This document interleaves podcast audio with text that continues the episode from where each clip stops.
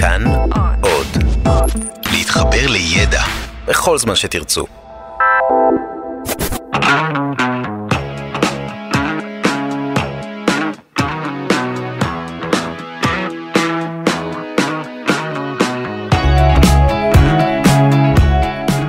בית הוא הרבה יותר מרצפה, כמה קירות ותקרה. וינסטון צ'רצ'יל נהג לומר שקודם אנו מעצבים את ביתנו, ובהמשך הבית שלנו מעצב אותנו. כשמסתכלים על עיר רואים קודם כל בתים, הרבה בתים, גבוהים ונמוכים, גדולים וקטנים, מוארים וחשוכים, צמודים זה לזה ומרוחקים זה מזה. לכל צורת בנייה, לכל מיקום ולכל תבנית מגורים יש השפעה ישירה על אופי העיר, האוכלוסייה שגרה בה וחיי היום-יום שלנו בתוכה. הבתים מעצבים את העיר. אז לכולנו ברור שיש קשר חזק בין מחיר הדירה לבין מצב הכיס שלנו. אבל בדרך כלל אנחנו לא רואים קשרים אחרים. למשל, בין גודל הדירה לבין האווירה בעיר. בין צורת הבנייה לבין הפקקים. בתים ופקקים? מה הקשר? אז זהו, שמדיניות התכנון של בניינים וצורת הבנייה היא אחד הגורמים הכי חשובים בעירוניות טובה. שלום, כאן ניצן הורוביץ עם עוד תוכנית של איך עושים עיר טובה, הסדרה שלנו על עיר ועירוניות, עורכים ומפיקים מנור בראון ורום אטיק, והפעם, מי יבנה לי בית? דיור ומגורים בעיר. יהיו איתנו שני אדריכלים עם ראש גדול, שני אקטיביסטים, דרור גרשון ואורנה אנג'ל. אז בואו נתחיל. לי יש דירה משלי. ולי אין דירה. וכתבנו על זה שיר. אני אוהב את ההורים שלי וחושב שהם טובים אני רוצה שהם ימותו, והלוואי גם האחים. אני חושב שהמקום של יהודי צרפת הוא פה אם עוד אחד מהם עולה, אני עושה שרלי אבדור. לי יש דירה לי אין דירה. בעל הבית זה אני אצלי זאת דוקטור עשירה. לי יש דירה לי אין דירה. שנים שלא כתבתי צ'ק היום כתבתי רועי. בר נתן וערן זרחוביץ' מתוך ארץ נהדרת מקדמים את פניך, דרור גרשון, אדריכל ומומחה בתכנון עירוני. מייסד אה, עמותת מרחב, התנועה לעירוניות, ומשם המומחיות מהשנים של אה, למידה על נושא של עירוניות. טוב, אז אתה מגיע לעיר שלא הכרת קודם, אתה מבקר בה בפעם הראשונה, מסתובב ברחוב, לא מכיר אף אחד, אבל מספיק לך לראות מה קורה ברחוב כדי לדעת איך העיר הזאת בנויה ואיזה מין בתים יש בה. קודם כל, האם יש בכלל אנשים ברחוב, ובאילו שעות, האם אלה אנשים צעירים, משפחות עם ילדים או מבוגרים, האם יש עוד דברים ברחוב, חנויות, גני משחקים, מסעדות, בתי קפה, עסקים. וככה, אפילו בלי להסתכל בבתים, מי שבקיא בעירוניות יכול לדעת איך הם נראים, האם הם גדולים או קטנים, קרובים או רחוקים, זולים או יקרים, ובסך הכל אין פה שום טריק, שום קסם, אלא פשוט הבנה של ההשפעה והקשר בין צורת הבנייה וסוג הבתים לבין אופי העיר והאוכלוסייה שגרה בה. והאופי הזה הוא לא משהו שככה קורה בעצמו, מעצמו, אלא הוא תוצאה של תכנון מסוים ושל אינטרסים מסוימים. לגמרי. השיח, השיח היום הציבורי והמקצועי במדינה מדבר על כמות יחידות הדיור, זו אומרת הממשלה, ואת האנשים מעניין כמה עולות הדירות. זה השיח שלנו, אה, וכביכול זה הפתרון לדיור. אז אה, זה בעצם איך משפיע מיקום השכונה בעיר, צורת התכנון שלה, המבנים עצמם, צמודי קרקע, מגדלים, צפופים, רחוקים. משווקים לנו היום שכונות מגורים, אתה יודע, בשמות מפתים כאלה, פארק צמרת, אחוזת פנורמה, שדרה החמישית, לגור בפארק, כרמים, שכונת הציפורים כבר שמעתי, או כפר סבא הירוקה. ובאמת השאלה, מה מסתתר מאחורי השמות היפים האלה, שמוכרים לנו? כמה זה עולה לנו לגור בשכונות היפות האלה? ובכלל האם אנחנו מקבלים איכות חיים ואם זה נוח לנו לגור. עכשיו, זו שאלה מסובכת, כי איכות חיים זה דבר סובייקטיבי, ואנחנו תשעה מיליון אנשים, ואני מניח שכל אחד יש לו איכות חיים שלו, אבל אני רוצה דבר, להציג פה נקודות של השפעת התכנון, של השכונה, של המבנים, על החיים שלנו, כל אחד יבחר מה שמתאים לו מהעניין הזה. אז אולי, היות ואנחנו מדברים בתוכניות האלה על ערים, בעצם אנחנו יותר צריכים לדבר על שכונות. כי בתכלס, בטח בעיר הגדולה, השכונה קובעת ומשפיעה יותר מהעיר עצמה. האווירה, השירותים, הניקיון, הביטחון, כמובן המחירים, נקבעים קודם כל לפי השכונה, ובתוך עיר בין שכונות שונות יכולים להיות הבדלים עצומים. ומה צריך להבין פה, ואתה תנסה להסביר, אה, ששכונה היא לא סתם טובה או גרועה ככה מעצמה, זה נובע מהתכנון שלה, מאופי הבנייה שלה, וקודם כל מהמיקום שלה. אוקיי, אז אם נתחיל במיקום, מדינת ישראל היא הבעלים הגדולה על הקרקע, 90% מהקרקע של המדינה, ובדרך כלל מחוץ לערים. ואז כשהמדינה רוצה לפתור את בעיית המגורים, היא בעצם מתכננת שכונות מחוץ לערים. כי מהצד השני, היא לא מוכנה להתמודד עם המורכבות של ההתחדשות העירונית. אז כשמחברים את הדברים האלה, מה שקורה, שכל השכונות האלה, שציינו אותן בשמות היפים ושאתה מדבר עליהן, בעצם נבנות בשולי הערים. בשכונות האלה, מלבד אחסון ושינה, אין שום דבר. כל השירותים העירוניים, המסחר, התעסוקה, כל הדברים שאנחנו משתמשים בהם ביום-יום נמצאים מחוץ לשכונות. התוצאה היא בעצם שמשפחה שאחרי שהתחייבה למשכנתה לדירה, בעצם צריכה להתחייב להוצאה של שתי מכוניות כדי בכלל להתקיים. כדי להגיע למקום שהם עובדים, כדי להגיע למקום שהם רוצים לבלות. דוגמאות נורא טובות, תיקח את כרמי גת שנבנתה מחוץ לקריית גת, מעבר לכביש ארצי בכלל, ועכשיו צריך לעשות מחלף בשביל להגיע אליה. השכונות החדשות בראש העין שלא מחוברות לראש העין, או אם המושבות בפתח תקווה. התוצאה היא שאנשים שם צריכים לגור עם שתי מכוניות ולנסוע כל היום. אתה בעצם גר במכונית. אתה לא כן, גר בדירה שלך ש... או בבית, אתה גר באוטו. אז כיוון שכולם תלויים במכונית בעצם, בסופו של דבר כשאתה יוצא בבוקר מהבית, אתה שעתיים בכביש בשביל להגיע למקום עבודה, ולא חשוב איפה הוא, ואותו דבר בחזרה. זאת אומרת שאתה חלק גדול מהיום נמצא בעצם באוטו. מבזבז זמן, מבזבז כסף, מבזבז דלק, ברמה מדינית זה זיהום אוויר ומחלות משמין כמובן, כי אתה לא הולך ברגל, ובסופו אה, של דבר גם, הסיטואציה הזאת של השכונות מביאה את זה שאתה צריך להיות גם הדרייבר של המשפחה שלך, אז אתה גם צריך לצאת יותר מוקדם מהעבודה. אנחנו מוצאים את עצמנו בעצם, אז למשל הייתי בערב במודיעין, ואנשים אמרו, אנחנו חיים באיכות חיים נהדרת, זאת עיר נהדרת. אבל כשהתחלתי לשאול אותם מה הם עושים, כמה זמן הם מסיעים, והם התחילו לחשוב על הדברים האלה, פתאום אומרים, רגע, יש פה איזה משהו שלא חשבנו עליו. והוא ההשפעה היומיומית הזאת של מיקום השכונה לא במרכז החיים שלנו, כי אנחנו לא רק ישנים. והנה עוד משהו שאנחנו ככה לא מספיק חושבים על ההשפעה שלו על אה, חיינו. מחפשים לרכוש או לשכור דירה?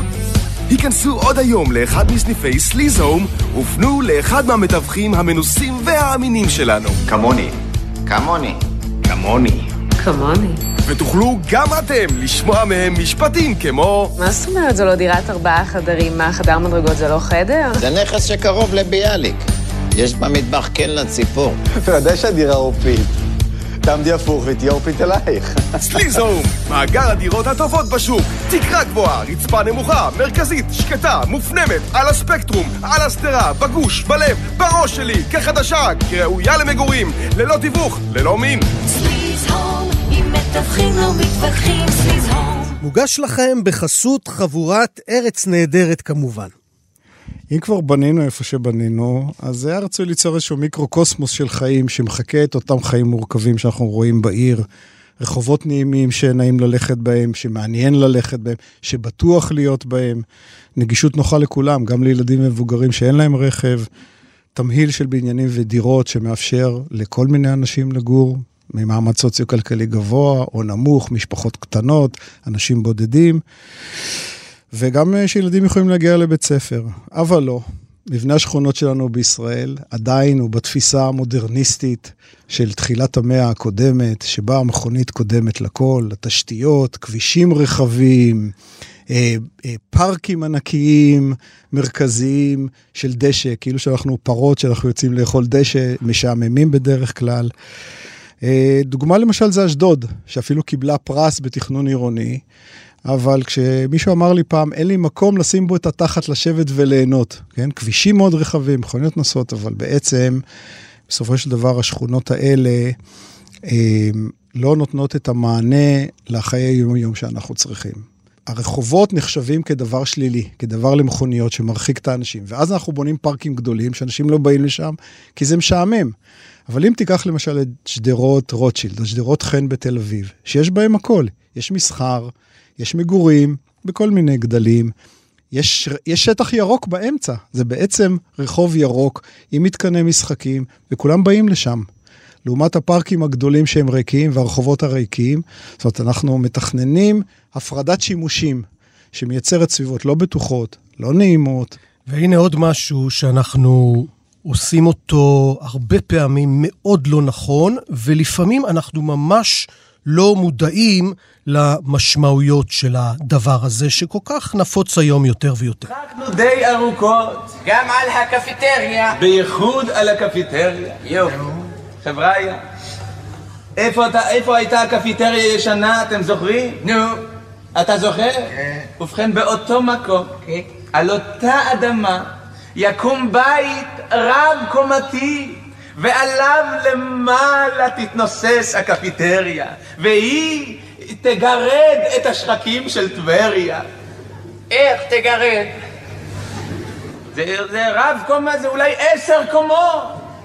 עשר קומות ומגרד? אולי בלילה שהשחקים יורדים. הקפיטריה בטבריה שמתנשאת לשחקים של הגשש החיוור, מביאה אותנו לאחת הסוגיות העירוניות הכי לוהטות בכל העולם, שזה הבנייה לגובה. כבר בתוכנית הראשונה אמרנו הרי שעירוניות טובה, ששירותים טובים לתושב מחייבים צפיפות עירונית, או כמו שאני מעדיף להגדיר את זה, קרבה עירונית. זאת אומרת, מספר גדול של תושבים בבניינים ודירות קרובים. והשאלה איזה מין בניינים הם צריכים להיות, ופה מגלים דבר חשוב, שאפשר להשיג צפיפות עירונית טובה, שיגורו הרבה אנשים בעיר, ולתת פתרונות ודירות להרבה אנשים, ושתהיה עיר טובה, בלי דווקא למלא אותה במגדלים. הדוגמה הכי טובה היא גבעתיים בעצם. אחת השכונות, זאת אומרת, זוהר כרגע העיר הכי צפופה במדינת ישראל אחרי בני ברק, ואתה מסתכל על השכונות הוותיקות, שיש בהן צפיפות כמו בערים גדולות בעולם, בתים של ארבע קומות. אנחנו התאהבנו במגדלים. אה, או יותר נכון, זו אלטרנטיבה אולטימטיבית שמציבה בפנינו גם המדינה כשהיא מתכננת, והיזמים והקבלנים. וזה נחשב היום, אפילו מהצמודי קרקע אנחנו עוברים למגדלים, כי רואים את הנוף, כי זה נהדר. וזה בעצם, המגדלים היא השפה של ציפוף הבנייה, אבל לא בצורה שאנחנו עושים את זה. זאת אומרת, זה נכון בהונג קונג בצורה קיצונית, וזה נכון בניו יורק. אנחנו פשוט לקחנו את המגדלים, הרחקנו אותם, השארנו המון שטחים פתוחים, כי צריך שטחים פתוחים, ויצרנו בעצם את מה שאני קורא מגדלים בכפר. ויצרנו סוג של פרבר. זה אני לא קורא עיר. לזה פרברים על קומות. אוקיי. או פרברים על עמודים. ואם אנחנו מדברים, רק בשביל להבין את הצפיפות, אנחנו מדברים על בערך ארבע יחידות לדונם, שזה בעצם יכולים לקחת דונם, לתת לכל אחד רבע דונם, ושיבנה בית. במקום זה, אנחנו עושים מאמץ מטורף, שהוא יקר לכולם, ובונים מגדלים, ומייצרים מין מתחמים סגורים, לא צפופים בכלל, ללא קשר. עכשיו, בנושא הכסף, ראשית, עשינו מחקר שמראה שליזם, בניית מגדל על, בני, על, על פני בניין של שש קומות, עולה לו 60 אלף שקל יותר לדירה, שזה מושת עליך בתור ה- הלקוח הסופי. נוסף לזה, מגדל הוא בניין הוא מכונה. כל 15 שנה צריך להחליף את כל המערכות. עכשיו, זה אנשים לא יודעים, ואנשים נכנסים למגדלים האלה בכלל בלי ידיעה לכמות הכסף שהם צריכים יום-יום להשקיע על פני בתים שהם היו גרים בשש או שמונה קומות, באותה צפיפות, אפילו צפיפות יותר טובה, במרחב עירוני הרבה הרבה יותר טוב. עכשיו, כבר יש בבאר שבע דוגמאות של אנשים שסגרו את מערכת הספרינקלרים כי לא היה להם כסף לתחזק את זה, אז אני לא רוצה לחשוב מה יקרה כשתהיה שריפה או יהיה מצב שיצטרכו להשתמש בזה. אה, נורית אלפסי מאוניברסיטת בן גוריון, עם הסטודנטים ערכו מחקר וגילו שבשכונות של מגדלים שקיימות ועומדות, יש יותר ניכור חברתי מאשר בשכונות שאנחנו רגילים, של ארבע ושש קומות, שהן בצפיפות יותר גבוהה.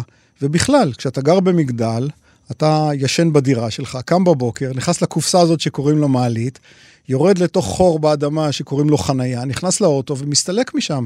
ואותו דבר בערב, אתה בכלל לא פוגש אף אחד, לא נוצרת קהילה, כיוון שגם המרחב הציבורי הוא משעמם בחוץ, אין כלום. בעצם אתה, זה חדרי שינה, במגדלים.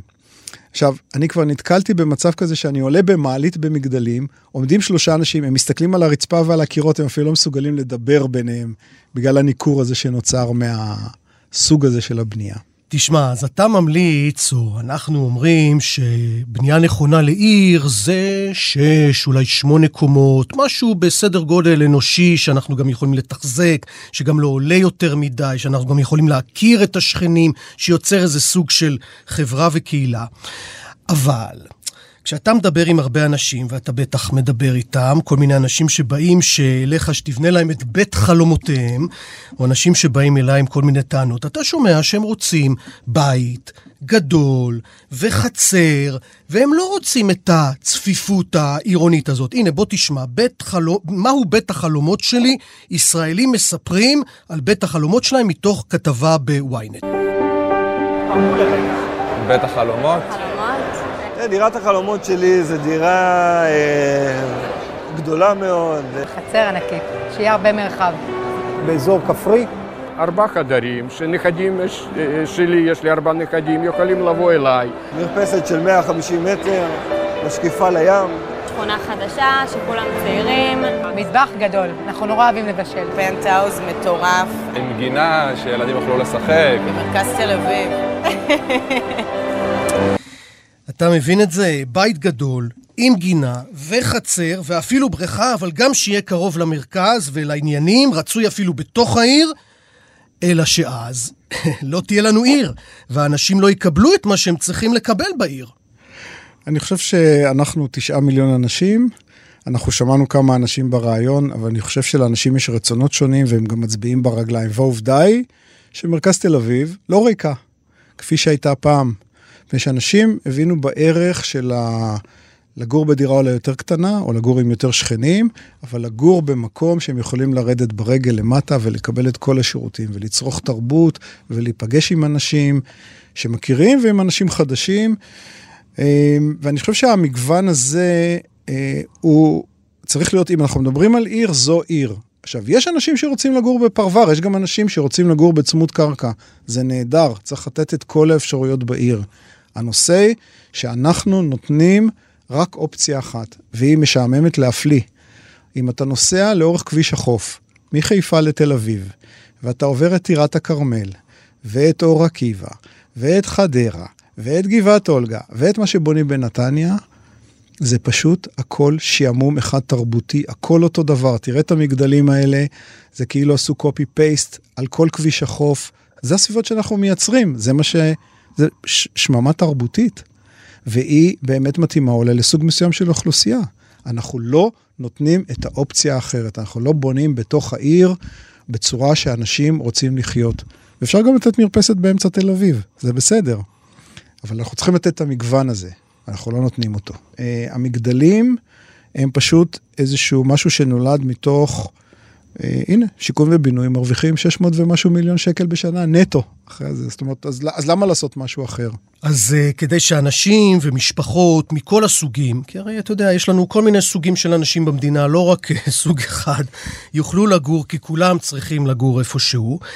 עיר טובה צריכה לתת, חייבת לתת, תמהיל בבינוי ותמהיל בדירות. מה הכוונה? כל מיני סוגים של בניינים עם כל מיני סוגים וגדלים של דירות, מה שמאפשר למשפחות גדולות וקטנות, למבוגרים, לצעירים, לאנשים מבוססים, לאנשים פחות מבוססים, אה, לגור, כי בסוף, וזה אני חושב, דרור, זה משהו שאולי במוסדות התכנון או הפוליטיקאים או לא פשוט מבינים עד הסוף, לא מבינים שכולנו בסוף באותה סירה. ואם אנחנו רוצים עיר טובה וחברה טובה, אנחנו צריכים לתכנן נכון את מגוון הבנייה. כן, אנחנו צריכים באמת לתת את המגוון הזה לכל האוכלוסייה, ולהבין שכולנו צריכים לחיות ביחד. הנושא הזה של בנייה חד גונית, או של מגדלים, ולא משנה כרגע אם יש בהם שלוש, שלושה חדרים, ארבעה חדרים, חמישה חדרים, זה אותו דבר, עלות התחזוקה היא אותו דבר, תגיע אותה אוכלוסייה, לא תגיע אוכלוסייה למגדל, אפילו אם היא דירה יותר קטנה, אה, של סוציו-כלכלי נמוך יותר, או אנשים שלא רוצים לגור במגדל ולא מסוגלים לתחזק את זה. זה לא יקרה, גם אם היא דירת שלושה חדרים. אתה יודע, אני תמיד אומר שהתפקיד הכי משמעותי שלי זה ראש ועד הבית. כן, אני עד עצם היום הזה, אני ראש ועד הבית אצלנו בבניין, ו... צריך לדעת, וצריך שנדבר על זה קצת, שלפעמים הבית הזה הוא יותר שדה קרב מאשר בית. לא, זאת אומרת, לא הבניין שלי, אבל אתה יודע למשל, דרור, שרוב התלונות למשטרת ישראל, אה, וגם במקומות אחרים זה כך, נוגעות לסכסוכי שכנים. כן, כן. זאת אומרת, בסוף זה לא המלחמות ולא מה ששומעים בחדשות, זה מה שקורה בחדר המדרגות. למה אתם לא מגיעים למצב שאתם לוחצים יד ועושים שלום? אתם שכנים, בסופו של דבר. שלום, אני מדבר, אני אומר לך. אני מדבר גם עם. זה מה שאנחנו רוצים, מלכתחילה זה מה שרצינו. הם החליטו שהכל מגיע רק להם, שהכל שייך רק להם.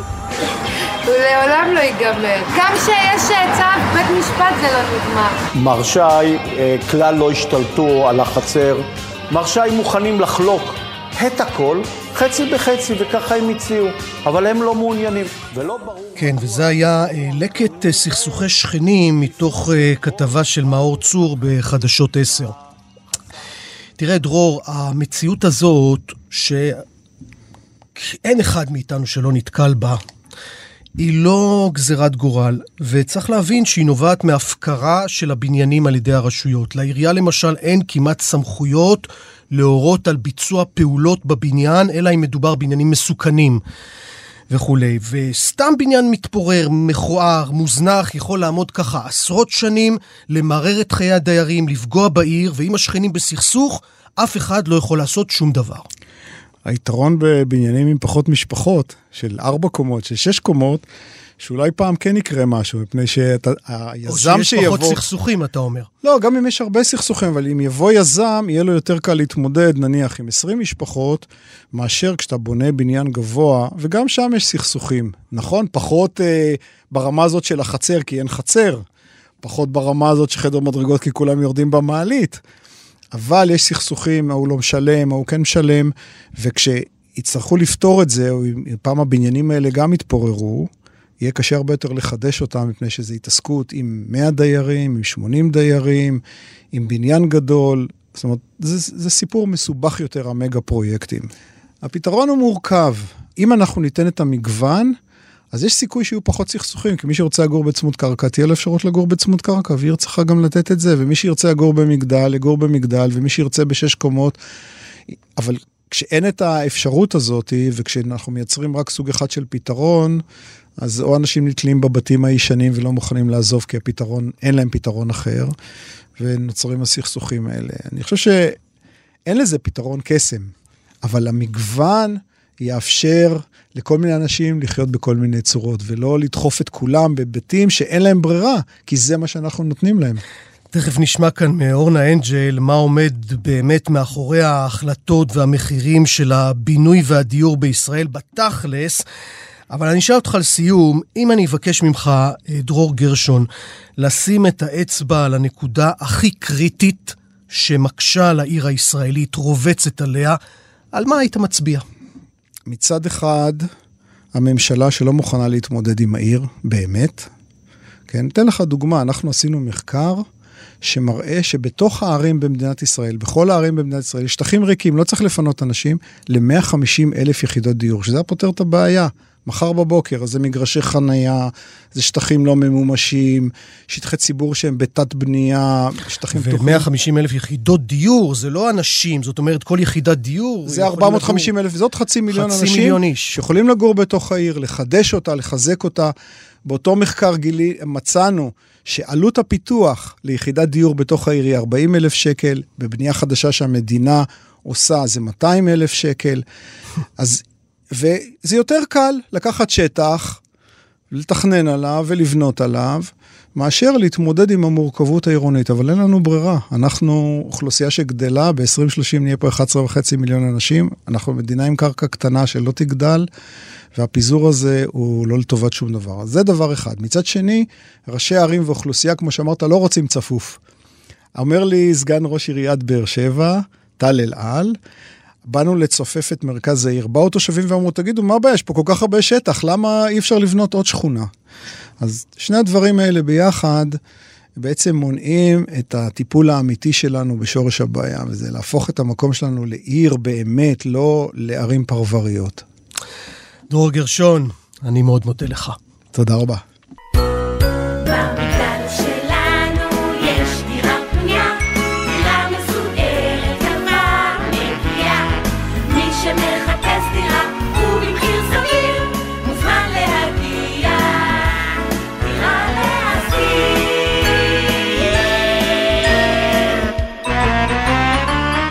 שלום לאורנה אנג'ל, אדריכלית, מומחית לקיימות ומראשי פורום המאבק לבינוי שפוי, ועם הרבה ניסיון במגזר הציבורי וגם הפרטי. שלום. שמענו כאן את uh, שיר הנושא מתוך ההצגה דירה להשכיר של התיאטרון שלנו, וזה נשמע מאוד נחמד, אבל תכלס, המציאות הזאת של הדירות היא קצת פחות נחמדה. את יודעת, אורנה, את העבדים באמריקה שחררו לפני 150 שנה, את הצמיתים ברוסיה שחררו לפני 100 שנה, אבל כאן בארץ אנחנו עדיין משועבדים, משועבדים לנדלן. עבדים של ארבעה קירות ותקרה עם משכנתה לעשרות שנים. שש שנים אחרי שמאות אלפי ישראלים מכרו נגד יוקר המחיה, מחירי הנדל"ן לא מפסיקים לטפס. מיולי 2011 ועד היום, מחיר דירה ממוצעת בישראל עלה ביותר מ-40%. השבר פה הוא שבר אמון עצום. מה שהיה אז אה, חלום הפך להיות פנטזיה מטורפת בשביל רוב האזרחים בישראל. הפערים גדלו בצורה משמעותית, אה, אבל בסופו של דבר, שש שנים זה כבר זמן. שש וחצי שנים כבר עוד מעט. עוד מעט שבע ועוד מעט זה יהיה עשור, ואין שום תחזית אמיתית אה, לשינוי. וזה היה קטע מתוך uh, כתבה על מחירי הדיור במלאת שש שנים למחאה החברתית, מתוך חדשות השבוע של כאן. מה ההשפעה של המחירים שהם כל כך גבוהים היום, של דירות בישראל, קנייה וגם השכרה, על העירוניות? על האופי okay. אוקיי. העירוני. אז מה שקורה זה שזה היסטריה מטורפת של אה, אה, חוסר ביחידות דיור באזורי הביקוש, ואז כשמתכננים בהיסטריה, מה שיוצא זה בדיוק כמו שתיארת בתחילת הדברים שלך, יוצא מגורי, אה, מגורים לסרדינים, או במקרה היותר רע לעבדים, בלי שום איכות חיים, בלי שום נוחיות, ואני חושבת שכאזרחים שמשלמים כל כך הרבה מיסים, זה כאילו, זה לא הגיוני. לא הגיוני שהם יצטרכו לשלם כל כך הרבה כסף לדיור, זה לא הגיוני שהם, שגם כששני בני הזוג עובדים במציאות שאנחנו חיים בה, לעולם אין סיכויים לחסוך לדירה, כי זה עולה, לא יודעת כבר מה המחקרים אומרים, אין ספור משכורות, כאילו נגמור לשלם את המשכנתה שנהיה כבר בני מאה, לא בטוח שנחיה עד אז, וזה אומר... שהבעיה הזאת, היא, שהפתרון הבעיה לדבר הכי בסיסי שהוא דיור, זה דבר שמקשה מאוד מאוד מאוד על החיים שלך. אז מה שבעצם קורה בפועל, ואני אתאר איך זה משפיע על העירוניות, שהקבלנים והיזמים עושים מזה כל כך הרבה כסף, שאין להם שום אינטרס לתכנן ולבנות נכון, ואין להם אינטרס לבנות דירות קטנות. אז מה שקורה בפועל, זה שרוב הקבלנים אה, מתכננים שכונות לדירות ארבעה וחמישה. שישה חדרים, מה שמביא אוכלוסיות מאוד מאוד מאוד אה, אה, הומוגניות ולא הטרוגניות. זאת אומרת, יש, אה, ככה נולדות שכונות לעשירים. ואם אנחנו אומרים שעיקרון מפתח בעירוניות זה עירוב של אוכלוסיות, גם... ופתרון לכל סוגי האנשים והאוכלוסיות, אז ברגע שיש מחירי דיור כל כך מטורפים, זה יוצר באופן בלתי נמנע שכונות, כמו שאת אומרת, לעשירים, שכונות לעניים, שכונות לסוג הזה, שכונות לסוג הזה, והעיר שלנו נפגעת מאוד. העיר שלנו נפגעת מאוד, ודווקא אנחנו בחודשי הקיץ, אז אנחנו יכולים לדעת בדיוק לאן אנחנו נמשכים לנסוע לחו"ל, והמקומות הכי מבוקשים על ידי הישראלים זה בדיוק המקומות ההטרוגניים האלה. מקומות שיש בהם הכל, את כל הסוגים של האוכלוסייה, את כל הצבעים של האנשים, את כל הדינמיות והיופי הזה אה, אה, של החיים, ולא שנחיה כל הזמן אה, בין מי שלובש את אותם דברים, בבית יש לו בדיוק את אותם רהיטים, הבית שלו נראה בדיוק אותו דבר, וכולם יחד עם הבדיוק אותו דבר הזה עומדים בפקקים. דרך אגב, הפקקים זה כבר של כולם. זה הכי הטרוגני שיש. אז בואי נדבר קודם כל על האחריות של הקולגות שלך, האדריכלים. בעיניי, הרבה מהם פשוט לא נוהגים כאדריכלים עם אחריות חברתית, אלא אני קורא לזה קבלני ביצוע. הם צריכים לספק שירות טכני למזמין, תוכנית לאיזה בניין או בית, לקבלן, למי שבונה, וזהו, שם זה נגמר. שם זה מתחיל ושם זה נגמר. תראה, יש לי ביקורת מאוד מאוד נוקבת, אפילו הרבה יותר נוקבת משלך כלפי חבריי האדריכלים, אבל בצד הביקורת שאני תכף אומר, בוא, אה, אני חייבת לומר מילה על הקושי של החיים, בסוף כולם מתפרנסים. וקשה להתפרנס פה. יוקר המחיה כל הזמן עולה. אני יודעת שזה כאילו לא הנושא שלנו, אבל הדברים הם מאוד שזורים אחד בשני. והאדריכלים יגידו לך, אם אנחנו לא נעשה את זה ולא נקבל את העבודה הזאת למשרד שלנו, ולא יהיה לנו כסף לשלם משכורות, ואז נצטרך לפטר את האנשים, אז מישהו אחר יעשה את זה. אבל אני חושבת שאחרי שאנחנו כבר מדינה בת 70 שנה, גמרנו, ואנחנו אולי אפילו עוד בעיצומן של חגיגות שנות ה-70 שלנו, בטח לקולגות היותר בכירים שלי, הגיע הזמן לומר את דברם, ואני שמחה לומר גם שבתקופה האחרונה יש כבר ניצוצות של להגיד את הדברים, לא בפוליטיקלי קורקט, אלא להגיד את הדברים בצורה מאוד מאוד נחרצת, להגיד שמה שקורה פה זה פשוט... לא רק חרפה, אלא אסון, אסון שכולנו, ובעיקר הדורות הבאים, ישלמו עליו מחיר מאוד מאוד כבד. אדריכלות היא מקצוע מאוד מאוד חברתי. כשאתה לומד חמש ושש שנים את מקצוע האדריכלות, אדריכלות, שים לב, לא טכנאי בניין ולא הנדסאי בניין ולא כל ההקלות הנוראיות האלה שקורות עכשיו בחוק, כשאתה לומד את המקצוע הזה, לפחות בשלוש שנים הראשונות אתה לומד על תרבות ועל אסתטיקה ועל ההשפעות הנרחבות שכשמקום מתוכנן היטב הוא עושה לנפשו ולמצב רוחו של האדם. ואת הדבר הזה החברים שלי שכחו לגמרי. הם שכחו שהמקצוע הזה הוא מקצוע חברתי, שכשאנחנו מתכננים טוב, אז החיים שלנו יותר קלים ויש לנו איכות חיים, ומותר לנו שיהיה לנו איכות חיים. ניצן, אני רוצה להזכיר לך, יש לנו כבר 70 שנה מדינה, אנחנו כבר לא, לא בתקופת חומה ומוגדל ולא בשואה. מותר לנו לדבר על איכות חיים, ומותר לנו לדרוש איכות חיים. והדבר הכי מאכזב, הכי נוראי, וקל לי להגיד לך את זה, כי אין ספור פעמים אני עמדתי מול הדבר הזה, הם עושי דברם הכי נרצעים של הפוליטיקאים. סליחה, בכל הכבוד, פוליטיקאים אולי מבינים בפוליטיקה, אבל הם לא מבינים בתכנון. וכשבן אדם יש לו מחלה בעור, הוא הולך לרופא עור, הוא לא הולך לפוליטיקאי שירפא לו את המחלה הזאת. וכשיש בעיות בתכנון ושיש משבר דיור, הולכים לאדריכלים. לא לגיאוגרפים, לא אה, לכל מיני אה, מאכערים, לא לקומבינטורים, הולכים לאדריכלים, ואדריכלים יודעים לעשות את זה, יודעים גם לעשות את זה טוב, והטוב הזה משפיע על החיים שלנו. בעניין פוליטיקאים, אה, וכן, ראיתי את זה מקרוב, כידוע לך, אה, יש צירוף, ב, לדעתי, של שלושה דברים רעים אצל רובם. לא כולם, אבל אצל רובם. חוסר הבנה וידע, אטימות וחוסר אכפתיות, ואינטרסים קצרי טווח. עבור הפוליטיקאים שלנו, שאין להם שום הבנה בתכנון, ואנחנו רואים היטב אה, שלהב 443, אה, אה, שעריה מתפוצצים מאנשים שבאים כל היום ויוצאים לחקירות, זה אינטרסים. הכל אינטרסים, אינטרסים שבסוף מביאים לך כסף, שמביאים לך סידור עבודה.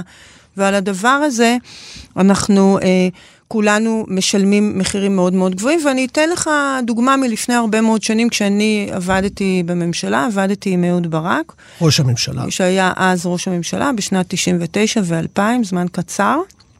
אבל אני ממש זוכרת את היום שהוא ביקש שפרופסור דן בן דוד יגיע, הוא היה אז נחשב פרופסור עילוי לכלכלה, יגיע קצת אה, לדבר איתו על כלכלה ואיך הוא רואה את הדברים.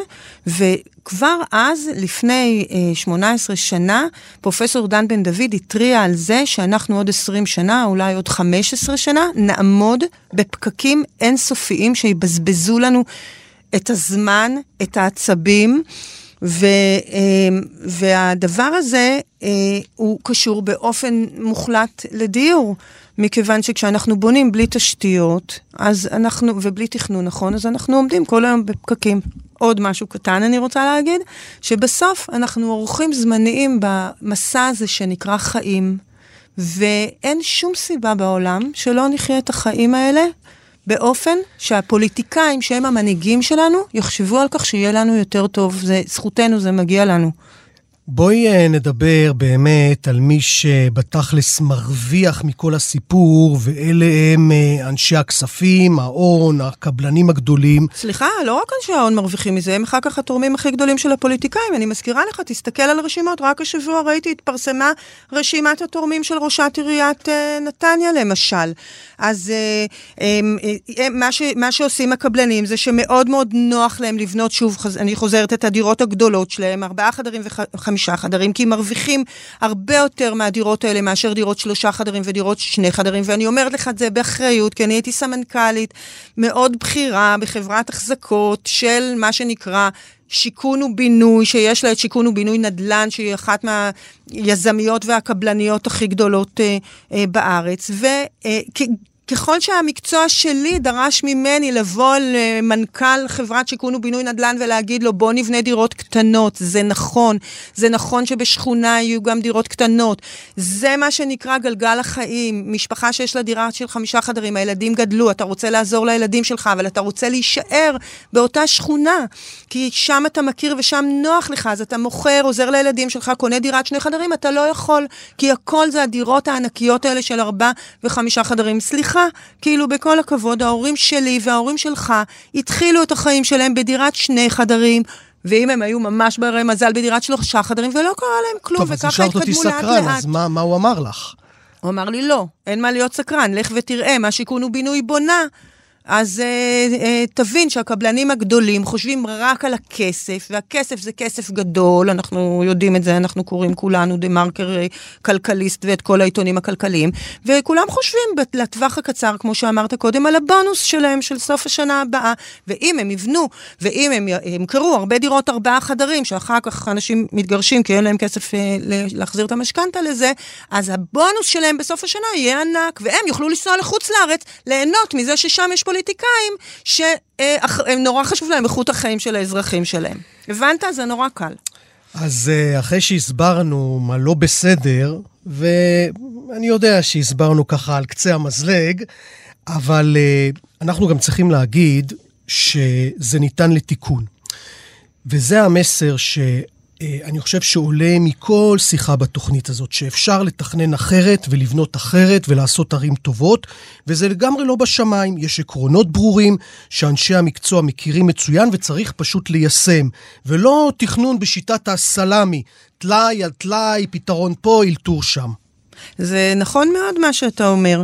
אה, יש לנו את כל הפתרונות לדבר הזה, והנתק הבלתי ברור הזה בין האקדמיה ובין אה, אה, מקבלי ההחלטות, הוא לא נורמלי, ולכן בדיוק הקמנו את uh, פורום ואת מטה המאבק לבינוי שפוי. אני רוצה להגיד לך שבדיוק חגגנו שנה, ובשנה הזאת זה מדהים, יותר מ-56 uh, uh, מנהלי uh, מטות.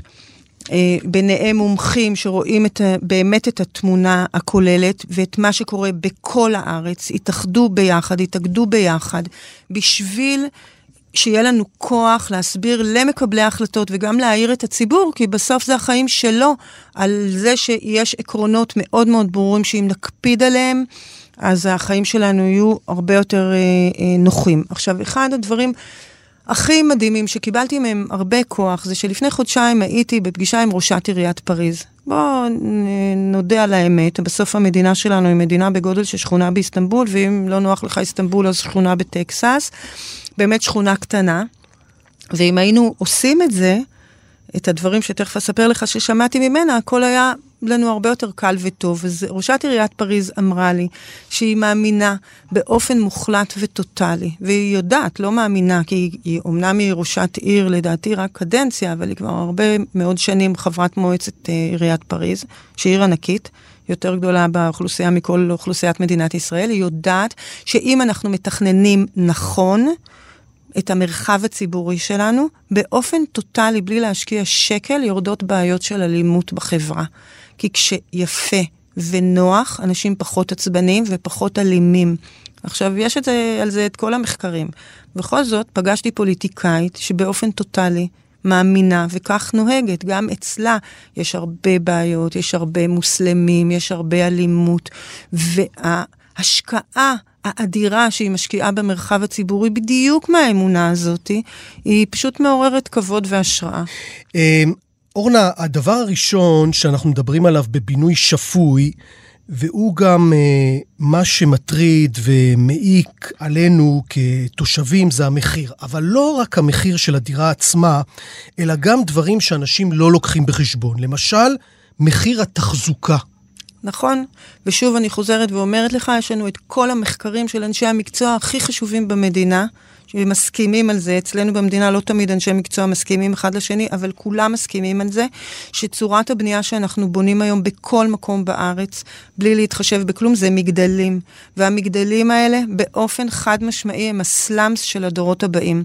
זה די מטורף שכחלון, שהוא שר האוצר שלנו, שאחראי על הבינוי, שעשה מעשה, אה, דרך אגב, אני מודה ומתוודה שהייתי גם אחת מהוגי הרעיונות האלה, רק באתי באמת ממקום טוב, והביא את כל הכוח של תכנון אליו למשרד האוצר, ועשה את קמפיין שלם על החיים שלו בשיכונים. הוא יהיה אחראי על השיכונים של השנים הבאות. כי מה אנחנו יודעים? אנחנו יודעים שברגע שבניין הוא יותר גבוה מאשר תשע קומות, כל ההחזקה של התשתיות שלו מתייקרת. עכשיו, אנחנו לא ניו יורק. ואנחנו נורא רוצים להיות דומים בין, לניו יורק, אז אנחנו צריכים להיות דומים בניו יורק גם בשיטה של תחזוקת הבניינים. אנחנו לא צריכים לנסוע לניו יורק, מספיק שאנחנו נפתח את הגוגל ונראה שבניינים גבוהים בניו יורק, הקומה הראשונה שלהם היא קומה מסחרית. הקומה המסחרית הזאת היא, ולא הדיירים, היא שמממנת את דמי ההחזקה של הבניין. אז מה שקורה בארץ זה שאנשים צעירים שעושים מאמצים עילאיים, ואת כל החסכונות שלהם ושל ההורים שלהם, קונים בהם דירות במגדלים האיומים והנוראים האלה, מוצאים את עצמם אחרי מספר שנים לא מסוגלים לשלם את דמי ההחזקה, והם הראשונים, הראשונים דרך אגב שייפלטו, זה אלה שיש להם פחות כסף. הדבר הזה הוא בא לידי ביטוי באופן מאוד מאוד קיצוני ולא מוסרי כשאנחנו מדברים על פינוי-בינוי. כי לבני אדם היה את הדבר האחד האדיר הזה, וזה דירה. ואז באים האנשים עם החליפות והחולצות הלבנות ותיקי הג'יימס בונד, ובאים ומשכנעים אותם לעשות פינוי-בינוי, ומספרים להם שיהיה להם עוד חדר, ומספרים להם שהם יגורו במגדל מדהים, ואז מגיע המגדל המדהים הזה. ואז אנשים שלא היה להם אפילו 50 שקל לשלם בעד החזקה של, השיק, של הכניסה של השיכון שלהם, של חדר המדרגות של השיכון שלהם, נדרשים לשלם אלפי שקלים להחזקה של הבניין, והם הראשונים שעפים ממנו ונשארים בלי הדירה שהייתה להם מלכתחילה. והדבר הזה הוא לא מוסרי. הוא לא מוסרי, כי יש לנו את הידע כבר גם מכל העולם שככה לא עושים. עכשיו, יגידו לך מיד, אבל אנחנו מדינה קטנה, ואיך אנחנו חייבים לבנות הרבה יחידות דיור, אז יש חדשות בשבילך, גם על זה, יש, בשביל זה יש מתכננים. ועל אותה יחידת שטח שבונים מגדל עם איקס דירות, אנחנו יודעים לתכנן פשוט בצורה אחרת.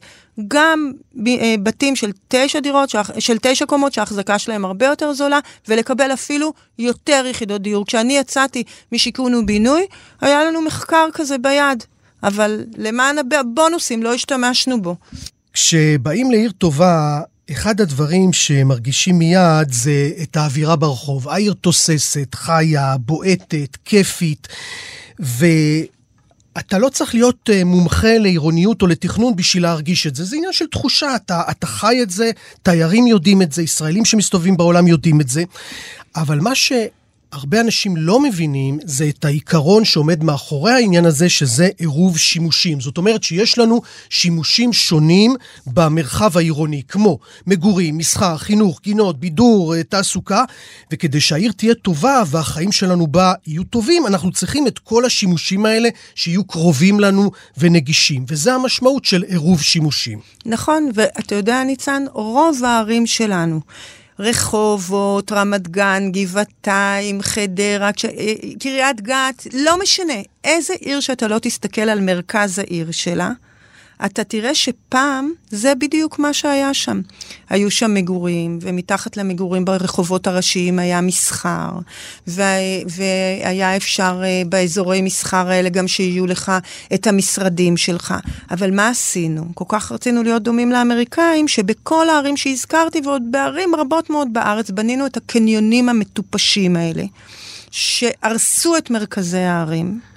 וגרמו לנו להיות תלויים בקניות שלנו, במכוניות, בשביל המגורים, מרכזי הערים שלנו, הערים הוותיקות שלנו, שמה כל המחקרים שלנו מראים שיש פוטנציאל ענק לבנות. לבנות, לחזק בכסף את התשתיות, בכסף של הבנייה, שנעשית עכשיו מחוץ למרכזי הערים. איפה אנחנו בונים? ראה את קריית גת. כרמי גת זה שכונה בצד השני של כביש בין-עירוני. לוקחים את כל האנשים האלה, אם לוקחים את כל האנשים האלה ואת כל הכספים האדירים האלה שהשקיעו בלבנות שכונה בצד השני של קריית גת, אם היו משקיעים את זה במרכז קריית גת, גם האנשים שחיים שם היו מרוויחים, היה כסף, כי זה היה עולה אפילו פחות ממה שמשקיעים בשכונה חדשה, לטפל בכל התשתיות של האנשים הוותיקים, גם להם מגיע. הם הוותיקים, הם מחזיקים, הם הגרעין שייסד את הערים האלה, והיו משקיעים הרבה פחות כסף, את אותו מספר יחידות דיור, כי יש, להם, יש לנו שם קרקעות פנויות לבנייה. היה אפשר ללכת ברגל, להשתמש בתשתיות הקיימות ולחזק אותן, וזה לא יאומן פשוט, שזה לא, הפת- זה לא סוג הפתרונות שאנחנו מוצאים. המון פעמים אני הולך אה, ברחוב אה, באשדוד, בראשון, בנתניה. אתה לא הולך בשום רחוב, לא בראשון החדשה ולא באשדוד החדשה. אתה... אני דווקא, אז זהו, כשאני הולך... זה אני לא ב- רחוב רק. אז זהו, כשאני הולך, ואני תוהה, כשאני הולך שם, האם המתכננים אה, הם אולי אה, שוודים או נורבגים, כי אין צל ברחוב. אה, אז אולי מי שמתכנן את הרחובות הוא שוודי, ששם אין הרבה שמש, ולכן אה, לא צריך צל. האמת היא שזה די מדהים, הרמת לי להנחתה, כי רק לא מזמן בדקתי מה קורה בשוודיה ובדנמרק, ושותלים שם הרבה יותר עצים, בלי שמש, שותלים שם הרבה יותר עצים מאשר אנחנו שותלים פה. והדבר אז הזה... אולי המתכנן שלנו הוא מהקוטב הצפוני, לא, ששם אולי אין עצים המתכנן בכלל. שלנו הוא לא מתכנן, הוא פוליטיקאי, והוא ראש עיר, והוא אה, עוד איזה אדריכל, עוד פקיד שהוא עושה דברו של ראש העיר. מה שקורה פה עם עצים הוא חרפה מוחלטת. אה, וזה מתקשר עוד ל, ל, לסיפור הרבה יותר רחב. על איכות חיים כבר דיברנו. אנחנו חיים במדינה חמה, אבל אנחנו גם חיים במדינה מאוד מאוד שונה באזורי האקלים שלה. ואילו היינו טיפה חושבים, טיפ-טיפונת, על מה שקוראים בעולם הגדול בנייה ירוקה, אז היינו יכולים גם לחסוך בכסף וגם להעצים ולהגביר את איכות החיים, ולמה אני מתכוונת? היום אנחנו בונים בבאר שבע, בקריית שמונה, בחדרה, בתל אביב ליד הים, בנתניה ליד הים, בדיוק אותו דבר. כל המגדלים המטופשים האלה, שום מחשבה על צפון-דרום, שום הבנה על זה שהשמש שקיימת כאן מאז שקיים העולם, יש לה בקיץ. זווית גבוהה ובחורף זווית נמוכה, ואילולא היינו רק עושים פרט קטן בבתים שאנחנו בונים, אז בקיץ השמש לא הייתה חודרת הביתה, אז הטמפרטורה הייתה יורדת בשמונה מעלות או שבע מעלות, ואז היינו צריכים להפעיל פחות את המזגן, ואז היינו צריכים לשלם פחות אה, חשבונות חשמל, שזה אחד החשבונות הכי קשים שאנחנו משלמים, ואותו דבר בחורף, בחורף כשהזווית של השמש נמוכה, היינו יכולים לתכנן את הבתים ככה שהשמש נכנסת לתוך הבית ומעלה את הטמפרטורות בחמש, שש ושבע מעלות, וגם אז היינו צריכים להשתמש פחות במזגן בשביל לחמם את הבית, וזה כל כך פשוט, וזה לא עולה כסף, רק שאנחנו לא עושים את זה. וזה זה נורא. הדבר האחרון, והוא ממש לא אחרון בסדר חשיבות, זה הצורה, האסתטיקה. ולא, אני אומר את זה, לא, זה ממש לא מותרות, ובעיניי זה לא צרות לעשירים. כי אם העיר מכוערת, הבתים כעורים, ואני מדבר על בתים חדשים, לא על בתים ישנים ומתפוררים. אם אין, אפילו כשבונים חדש, הקפדה על אסתטיקה ויופי, כן, יופי. מה שאנחנו הישראלים כל כך אוהבים לראות בערים בחו"ל, אז העיר נפגעת ונפגעת קשה. לגמרי, וזה באמת לא מותרות. וכשלומדים אדריכלות, באמת בשנים הראשונות, לומדים את ההיסטוריה של הארכיטקטורה, על איך תכננו ברומא העתיקה, ואיך תכננו ביוון. ותסתכל אפילו על ירושלים של פעם, השכונות הכי הכי הכי ישנות בירושלים, כמו למשל אה, באקה, מושבה גרמנית, הם השכונות הכי מבוקשות והכי אה, יקרות בירושלים. לא תכננו אותם המתכננים החדשים. ו, ושם בדיוק מדובר על יופי ועל אסתטיקה ועל זה שזה עושה לך כאדם מצב רוח טוב. אז uh, הדבר הזה הוא החמצה טוטאלית במדינה שיש בה כל כך הרבה מורשת והיסטוריה. עם התכנון המחורבן, אנחנו מוחקים גם את המורשת שלנו, את המורשת של האסתטיקה שלנו. אני חוזרת ואומרת לך, כסף מעוור עיני צדיקים. האלוהים שלנו, של האסתטיקה, של איכות החיים, של הצניעות, של אהבת האדם, של ההבנה שבני אדם מגיע להם לחיות באיכות חיים, הוא הוזז הצידה, והאלוהים של הכסף שולט באופן טוטאלי בכל התכנון בישראל.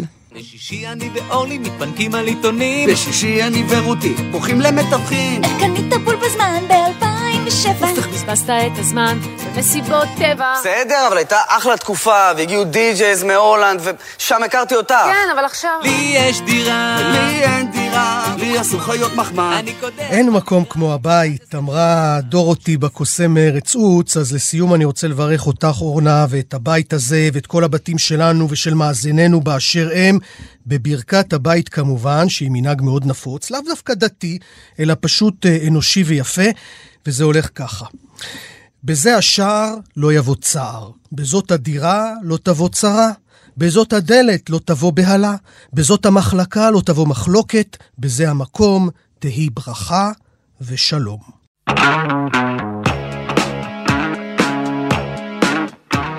אורנה אנג'ל, אני מאוד מודה לך. תודה רבה. עורכים ומפיקים מנור בראון ורום אטיק, ניתן להאזין לנו באתר כאן, באפליקציית כאן אודי ובכל אפליקציות הפודקאסטים, ההסכתים. אני ניצן הורוביץ, להתראות בתוכנית הבאה.